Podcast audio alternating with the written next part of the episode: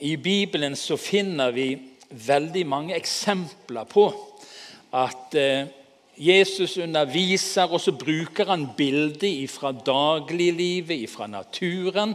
Så hvis jeg hadde fått noen bilder å se på her etter hvert, så hadde det hjulpet med hva jeg skal si. Men det kommer etter hvert. Se der. Nå er ikke det første bildet der så veldig representativt for det vi opplever akkurat i disse dagene. For eh, nå bøtter det ned bokstavelig talt. Tidligere i dag var det sånn at det tromma fem slagverk ute på taket der ute. Så vi syns kanskje det begynner å bli nok. Men det hjelper kanskje på strømprisene, så vi får ta det positivt. Men nå i våre dager opplever store deler av Afrika ekstrem tørke. Jorden blir ødelagt. Eh, avlingene blir ødelagt. Mennesker opplever sult og katastrofe på en helt spesiell måte. Og Når Bibelen underviser, så henter han ofte bilder fra tørke, fra vann. Alle disse helt naturlige tingene som omgir oss i dagliglivet. Vi ønsker fruktbar jord. Fruktbar jord trenger vann, trenger næring, trenger sol, trenger varme. Og Alle disse tingene kan være bilder på det livet Gud ønsker vi skal leve som kristne. Og Overskriften i dag denne søndagen er altså 'levende vann'. Og Vi leser i Johannes 7 i Jesu navn. På den siste dagen i høytiden den store festdagen sto Jesus fram og ropte.: Den som tørster, skal komme til meg og drikke. Den som tror på meg. Fra hans indre skal det, som Skriften sier, renne elver av levende vann. Dette sa han om ånden de som trodde på ham, skulle få. Ånden var ennå ikke kommet, for Jesus var ennå ikke blitt herliggjort.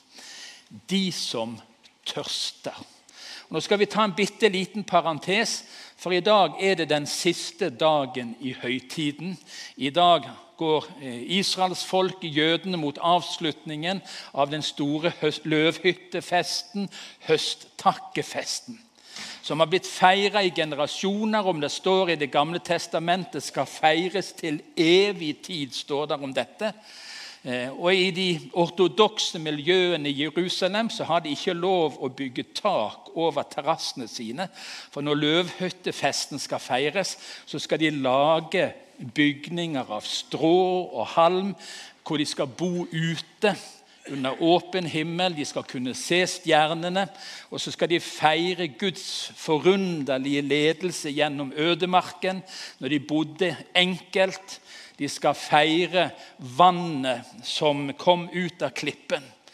Og Disse syv dagene som løvhyttefesten feires, av og til åtte dager, i noen land ni dager, så henter altså de da vann fra Siloakilden, og så tar de og tømmer det ut over alter, og så leser de dette. Med glede skal dere øse vann av frelsens kilder. Dette blir lest i dag om vannet som gir liv, om Gud som på forunderlig vis fører sitt folk, om takknemlighet over høsten som han har gitt dem, eh, og den utfrielsen som han ga dem fra Egypten. Det fins en livstørst. Utallige mennesker går i vårt velstandssamfunn og kjenner på at det må vel være noe mer. Og Jeg lurer på om det var Ole Paus som sa det. Vi har alt, men det er alt vi har. Vi har så mye, og likevel er det så mange mennesker som bærer på en lengsel, en uro eh, etter mening, en lengsel etter å forstå, en lengsel etter å finne sin plass i universet. Hva er meningen med det hele? Utfordringen er at mange av disse menneskene leter på feil sted. Og Sånn har det vært gjennom hele menneskets historie. I Jeremias kapittel 2 så sier Gud gjennom profeten For to onde ting har folket mitt gjort. De har forlatt meg, kilden med levende vann, og hugget seg brønner, sprukne brønner som ikke holder vann. Denne tørsten som mennesker bærer på i sitt indre etter tilhørighet og mening, de leter av og til på feil steder. De drikker vann som ikke gir de, jeg, de blir ikke utørste av det. Det er ikke levende, det er ikke livgivende. Det skaper bare enda mer lengsel, enda mer uro. Og Sånn har det vært for mennesker gjennom alle tider, og sånn er det for mennesker i dag. Den livstørsten som mange bærer på, som kanskje du òg har kjent på, den fins bare ett sted hvor den kan tilfredsstilles. Det fins en sunn åndelig tørst. Og Det er den Jesus taler om i denne teksten. Den som tørster, skal komme til meg og drikke, sier han. Som hjorten lengter etter bekker med vann, lengter min sjel etter deg, min Gud. Min sjel tørster etter Gud, etter den levende Gud. Nå skal jeg komme fram for Guds ansikt. Gud går inn i menneskets lengsel, så vender han den mot seg. Og For oss som har tatt imot Jesus og lever med han, så forsterkes denne lengselen. Det er noe i oss som ønsker å komme nærmere og komme djupere. At dette skal få lov å bety mer for oss. Min sjel tørster etter Gud, skriver David i Salme 42. Han lengter etter noe. Han kjenner at det er noe i hans liv med Gud som ennå kan utdypes og forsterkes. Kirkefader Augustin sa det på denne måten.: Mitt hjerte er urolig inntil det finner hvile hos deg. Du som er et menneske, er skapt med en lengsel. Den kan dreies i alle slags retninger. Vi kan prøve å tilfredsstille den på de ufatteligste steder, men det er bare ett sted vi kan virkelig finne at denne livstørsten, denne lengselen, blir oppfylt. Og Det er når vi finner hvile hos Gud. Menneskets tørste første. Det andre handler om levende vann. Den som tror på meg, leste vi. Fra hans indre skal det, som Skriften sier, renne levende vann. Dette sa han om ånden de som trodde på ham, skulle få. Kristentroen vår har en objektiv side. Det er noe som er sant og rett, enten du føler eller ikke. Ofte så kjenner vi kanskje på Guds fravær i våre liv, men han er jo ikke borte. Han er kanskje nærmere oss enn noen gang, men vår følelse er sånn at han kjennes langt borte fra oss. Kanskje kjenner du det sånn. Har Gud forlatt meg? Det er en objektiv sannhet at Gud er hos deg alle dager. Alle slags dager. Det er noe som er sant, enten vi føler det, erfarer det eller ikke. Men så er det en subjektiv side av troen. Det er noe som berører vårt liv, vår erkjennelse, våre følelser, våre erfaringer. Og Det er noe av det vi skal dele denne formiddagen. I kapittel 4 i Johannes evangeliet så møter Jesus den samaritanske kvinne. Og Så sier han at han har levende vann å gi. Jesus kan slukke hennes tørst sånn som ingen andre kan. Hun tar vann opp av brønnen, hun blir tørst igjen. Men Jesus sier at han har levende vann. Men i denne teksten forstår vi at Jesus ikke bare har det, han er selve kilden til det levende vannet. Det er i hans nærhet. Det er når Jesus får lov å møte oss, får lov å fylle oss, får lov å gi oss del i den han er og det han har. Han er selve kilden med levende vann.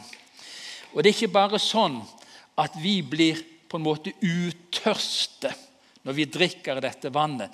Nei, det blir overflod, overskudd.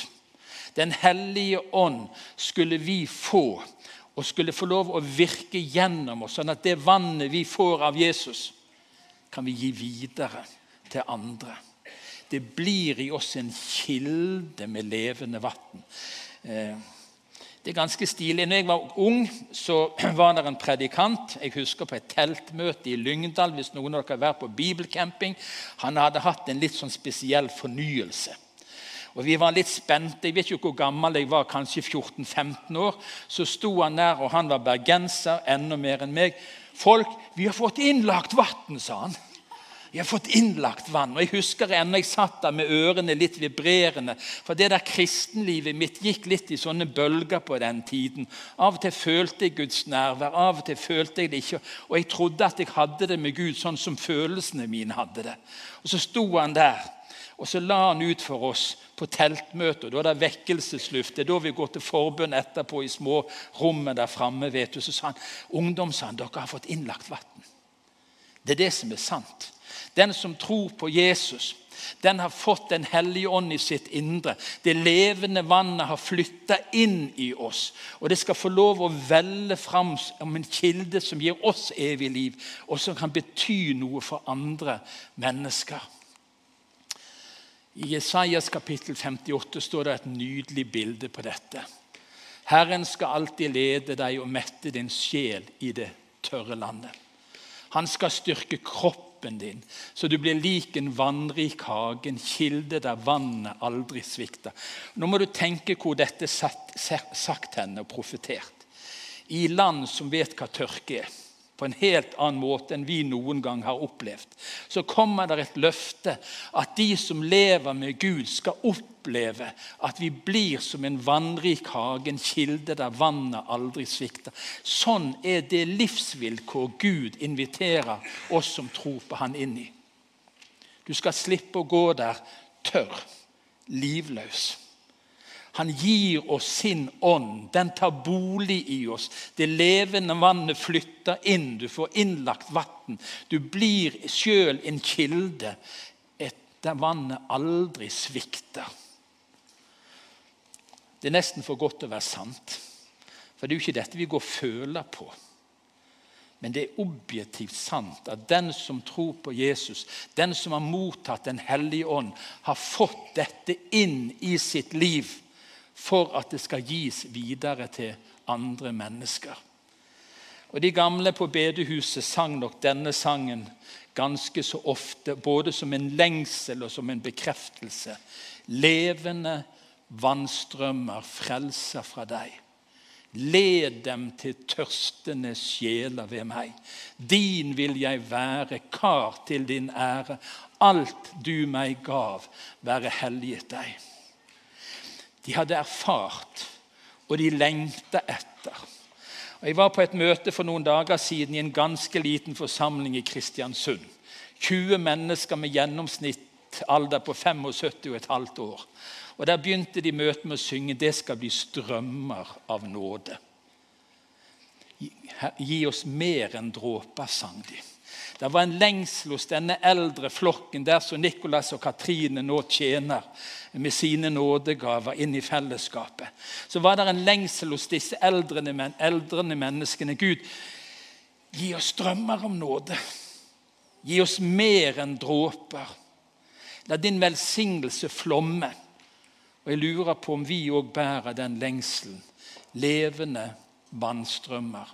Frelser fra deg. Led dem til tørstende sjeler ved meg.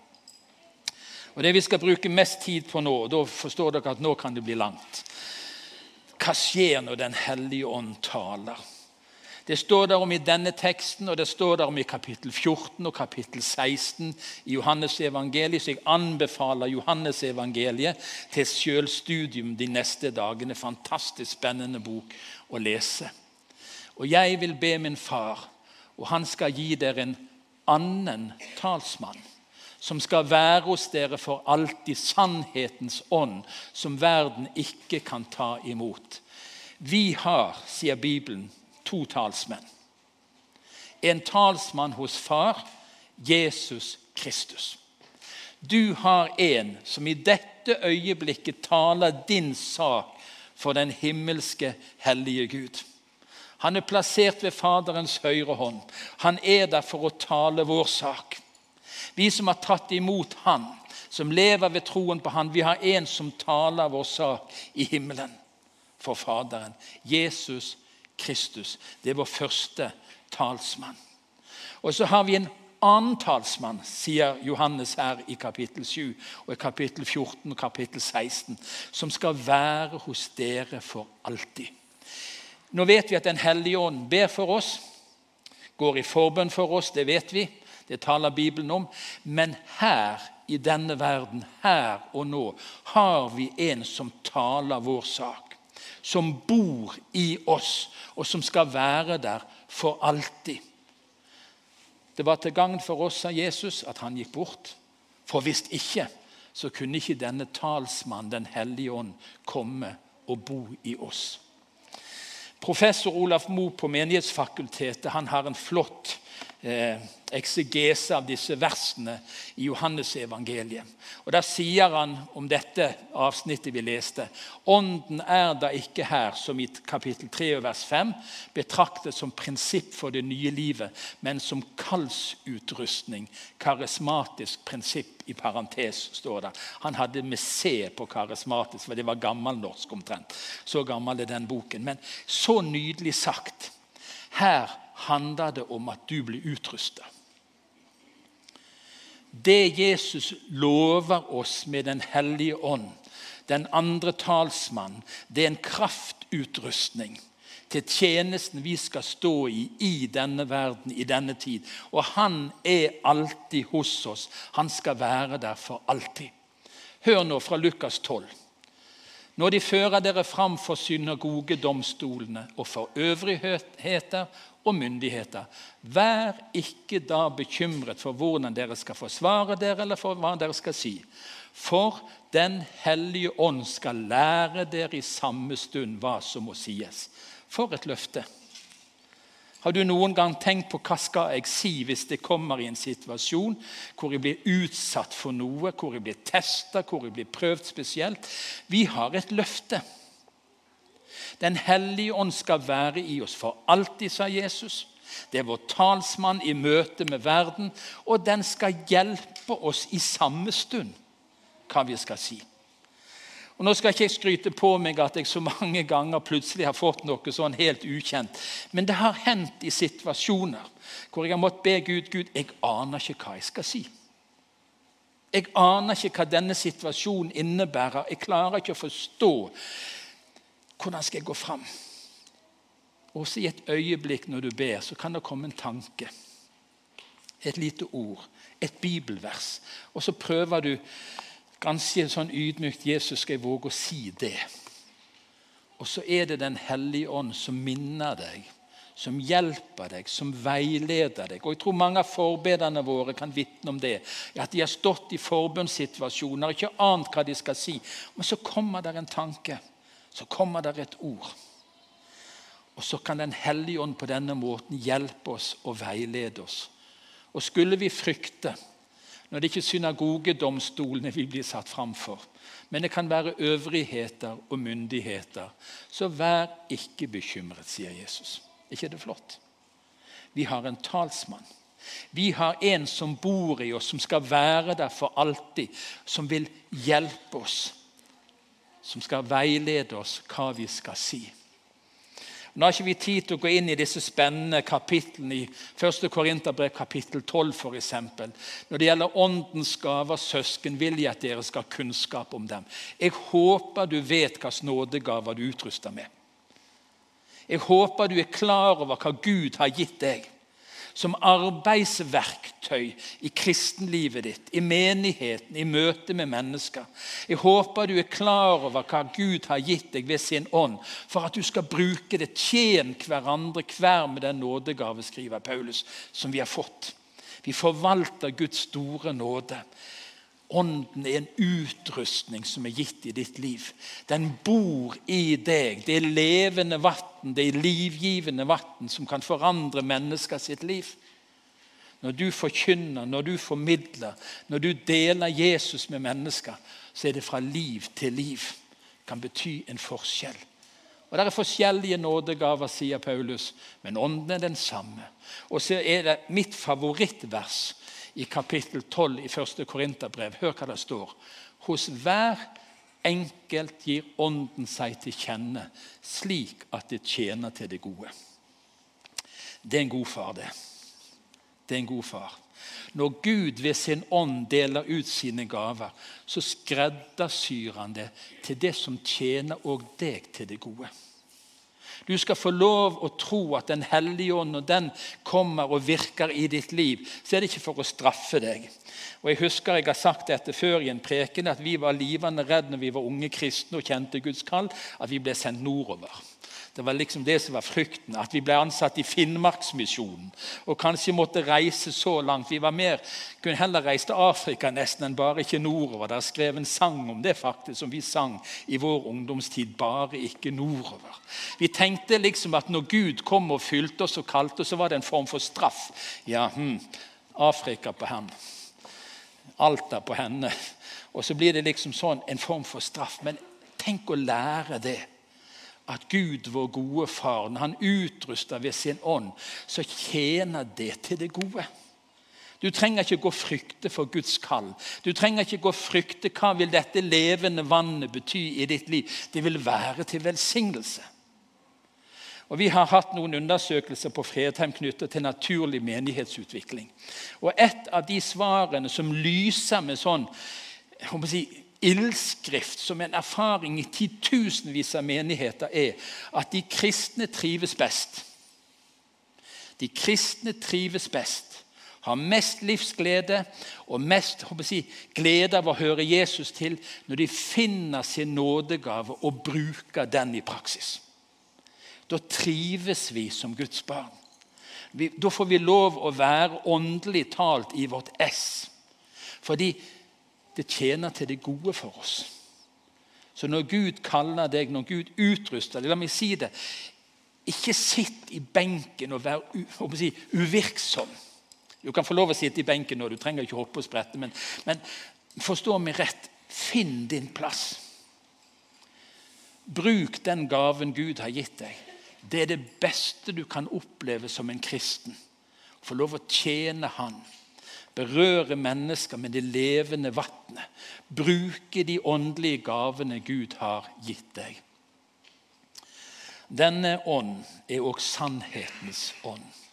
Og Jeg vil be min far, han skal gi dere en annen talsmann som skal være hos dere for alltid. Sannhetens ånd. Den hellige ånd taler sannhet. Og Det er to budskap spesielt Den hellige ånd ønsker å tale. Den har på en måte noen hjertesaker. Det er barnekårets ånd. Romerbrevet kapittel 8. Den hellige ånd vil tale inn i ditt liv og si 'Å, du er Guds barn'. Abba, far. Jeg får lov å kalle Gud min pappa Jeg får lov å sitte på Guds fang. Den hellige ånd vil tale sannheten inn i ditt liv. Dette har jeg skrevet til dere for at dere skal vite at dere er Guds barn, skriver eh, Johannes i 1. Johannes brev. Dere skal få lov å være trygge på. Få lov å erfare, leve med trygghet og frimodighet. Ikke et Guds barn. Og så har Den hellige ånd en annen hjertesak. Den skal gå i rette med verden og vise den hva synd er, hva rettferdighet er, og hva dom er. Og Dette kan være litt krevende, for Den hellige ånd i deg og meg ønsker å gå i rette med verden.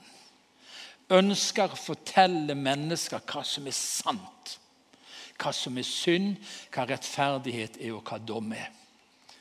Og Der er altså fullstendige misforståelser. Det var det på Jesu tid. Når Jesus talte disse ordene i Johannes kapittel 7, som vi har lest, så var det en fullstendig misforståelse om hva synd er. Han ble dømt som en synder. De jødiske lederne så på han som den største synderen. Fariseerne og de skriftlærde eh, sendte han til Pilatus for å korsfeste. Fordi han var en synder som hadde, hadde, brutt Guds bud. Han hadde gjort seg lik Gud.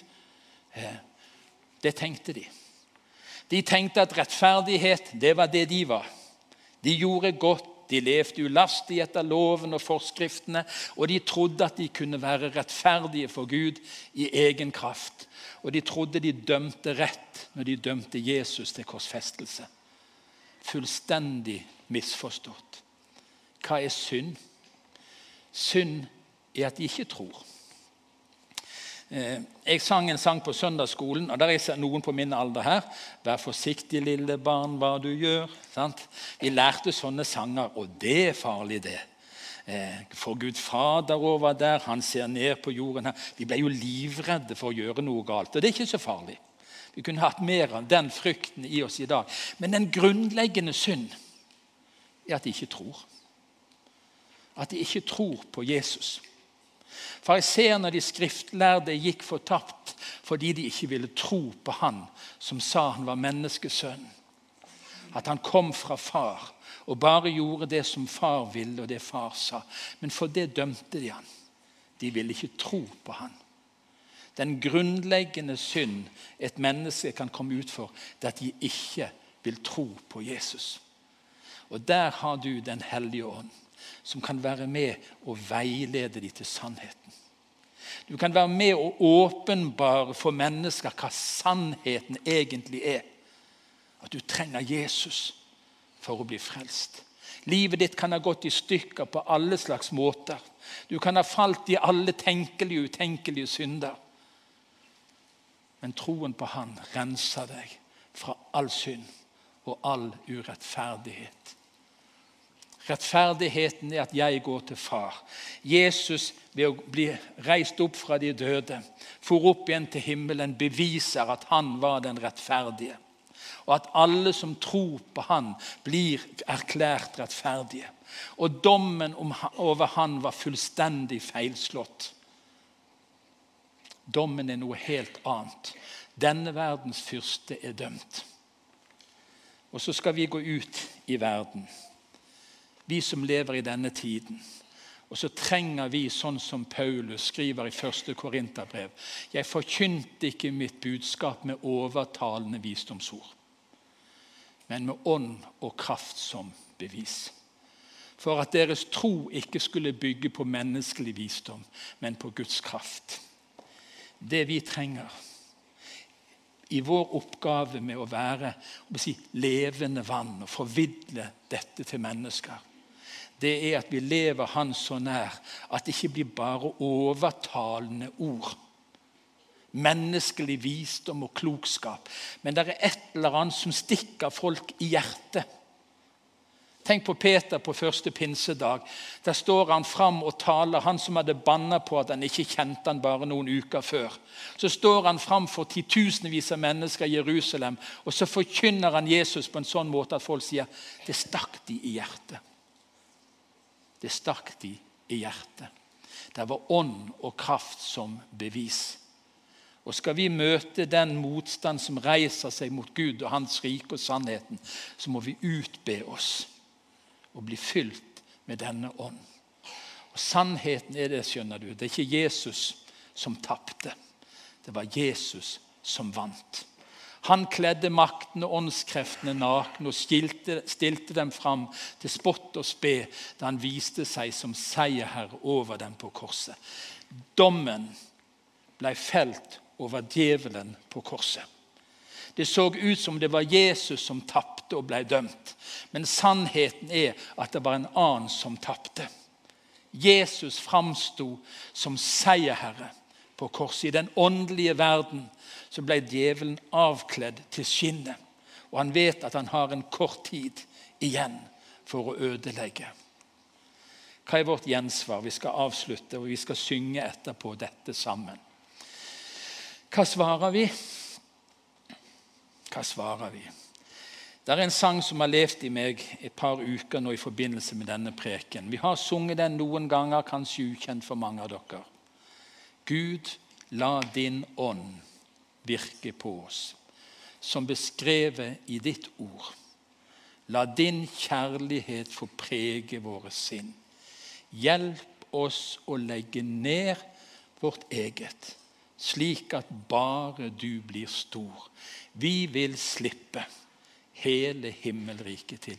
Dette sa han om den ånd de skulle få, de som tror på han. Skal vi reise oss, og så synger vi den. Blir jeg får lov å synge sammen med deg? Ja, Denne har jeg gleda meg til å synge. Og la det bli mer enn en sang. La det være en bønn som vi ber sammen før vi går videre.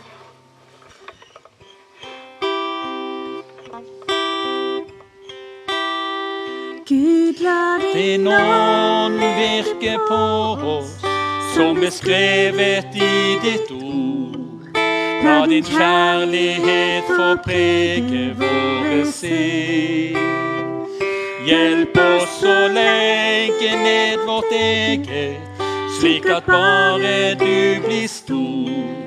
Vi vil slippe hele himmelriket til. En gang til, så lærer du den. Gud, La din ånd virke på oss, som beskrevet i ditt ord. La din kjærlighet få prege våre sinn. Hjelp oss å legge ned vårt eget, slik at bare du blir stor. Vi vil slippe hele himmelriket til. Jesus og Jesus, fyll oss med din ånd.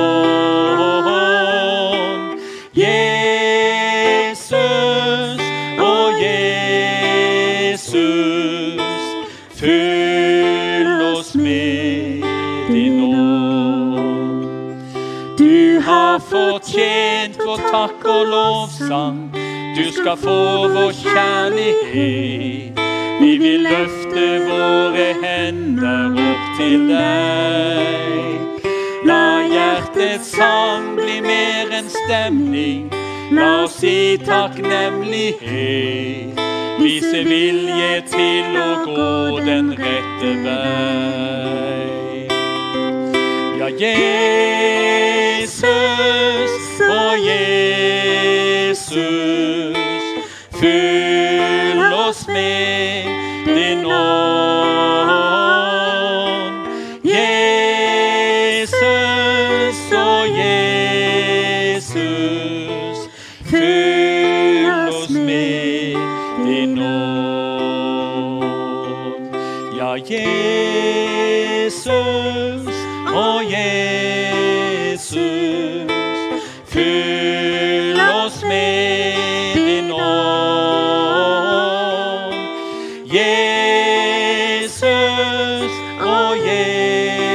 Jesus, fyll oss med din ånd. I en tale så sier Jesus det at han eh, ikke gir steiner for brød. Bare sett dere ned. Han vil gi sin ånd til de som ber han om det. Og Det som har vært målet med denne gudstjenesten, at du skal få lov å kjenne deg tørst igjen. Tørst etter å bli fylt med Guds ånd. Vi skal gå mot avslutning av gudstjenesten sånn rent formelt. Det vil være forbedere, står der borte. De har med en oljeflaske. Hvis du kjenner det hadde vært godt å bli bedt for og salva i Jesu navn, og bli fylt på nytt med Guds egen hellige ånd. Og det er gode gaver han gir når han fyller. Han vil deg det beste. Han gir deg det beste for at du skal få lov å være med og gi det beste videre til andre mennesker. Så eh, vær åpen for det. Spør Gud om du skal søke han litt ekstra, helt konkret, denne søndagen før du går hjem. Men du skal få med deg velsignelsen. Og dere, Det ble mye opp og ned i dag, men det, det har dere egentlig bare godt av. Og ta nå imot den. Så blir det litt sang nå etterpå, anledning til forbønn og samtale for de som ønsker det. Men ta nå imot den velsignelsen som han vil gi. Herren velsigne deg og bevare deg. Herren la sitt ansikt lyse over deg og være deg nådig. Herren løfte sitt ansikt på deg og gi deg fred i Jesu navn, for Jesu skyld. Velkommen til forbønn. Kafeen er åpen. Gå med fred. Tjen Herren med glede, fylt av Hans gode, hellige ånd.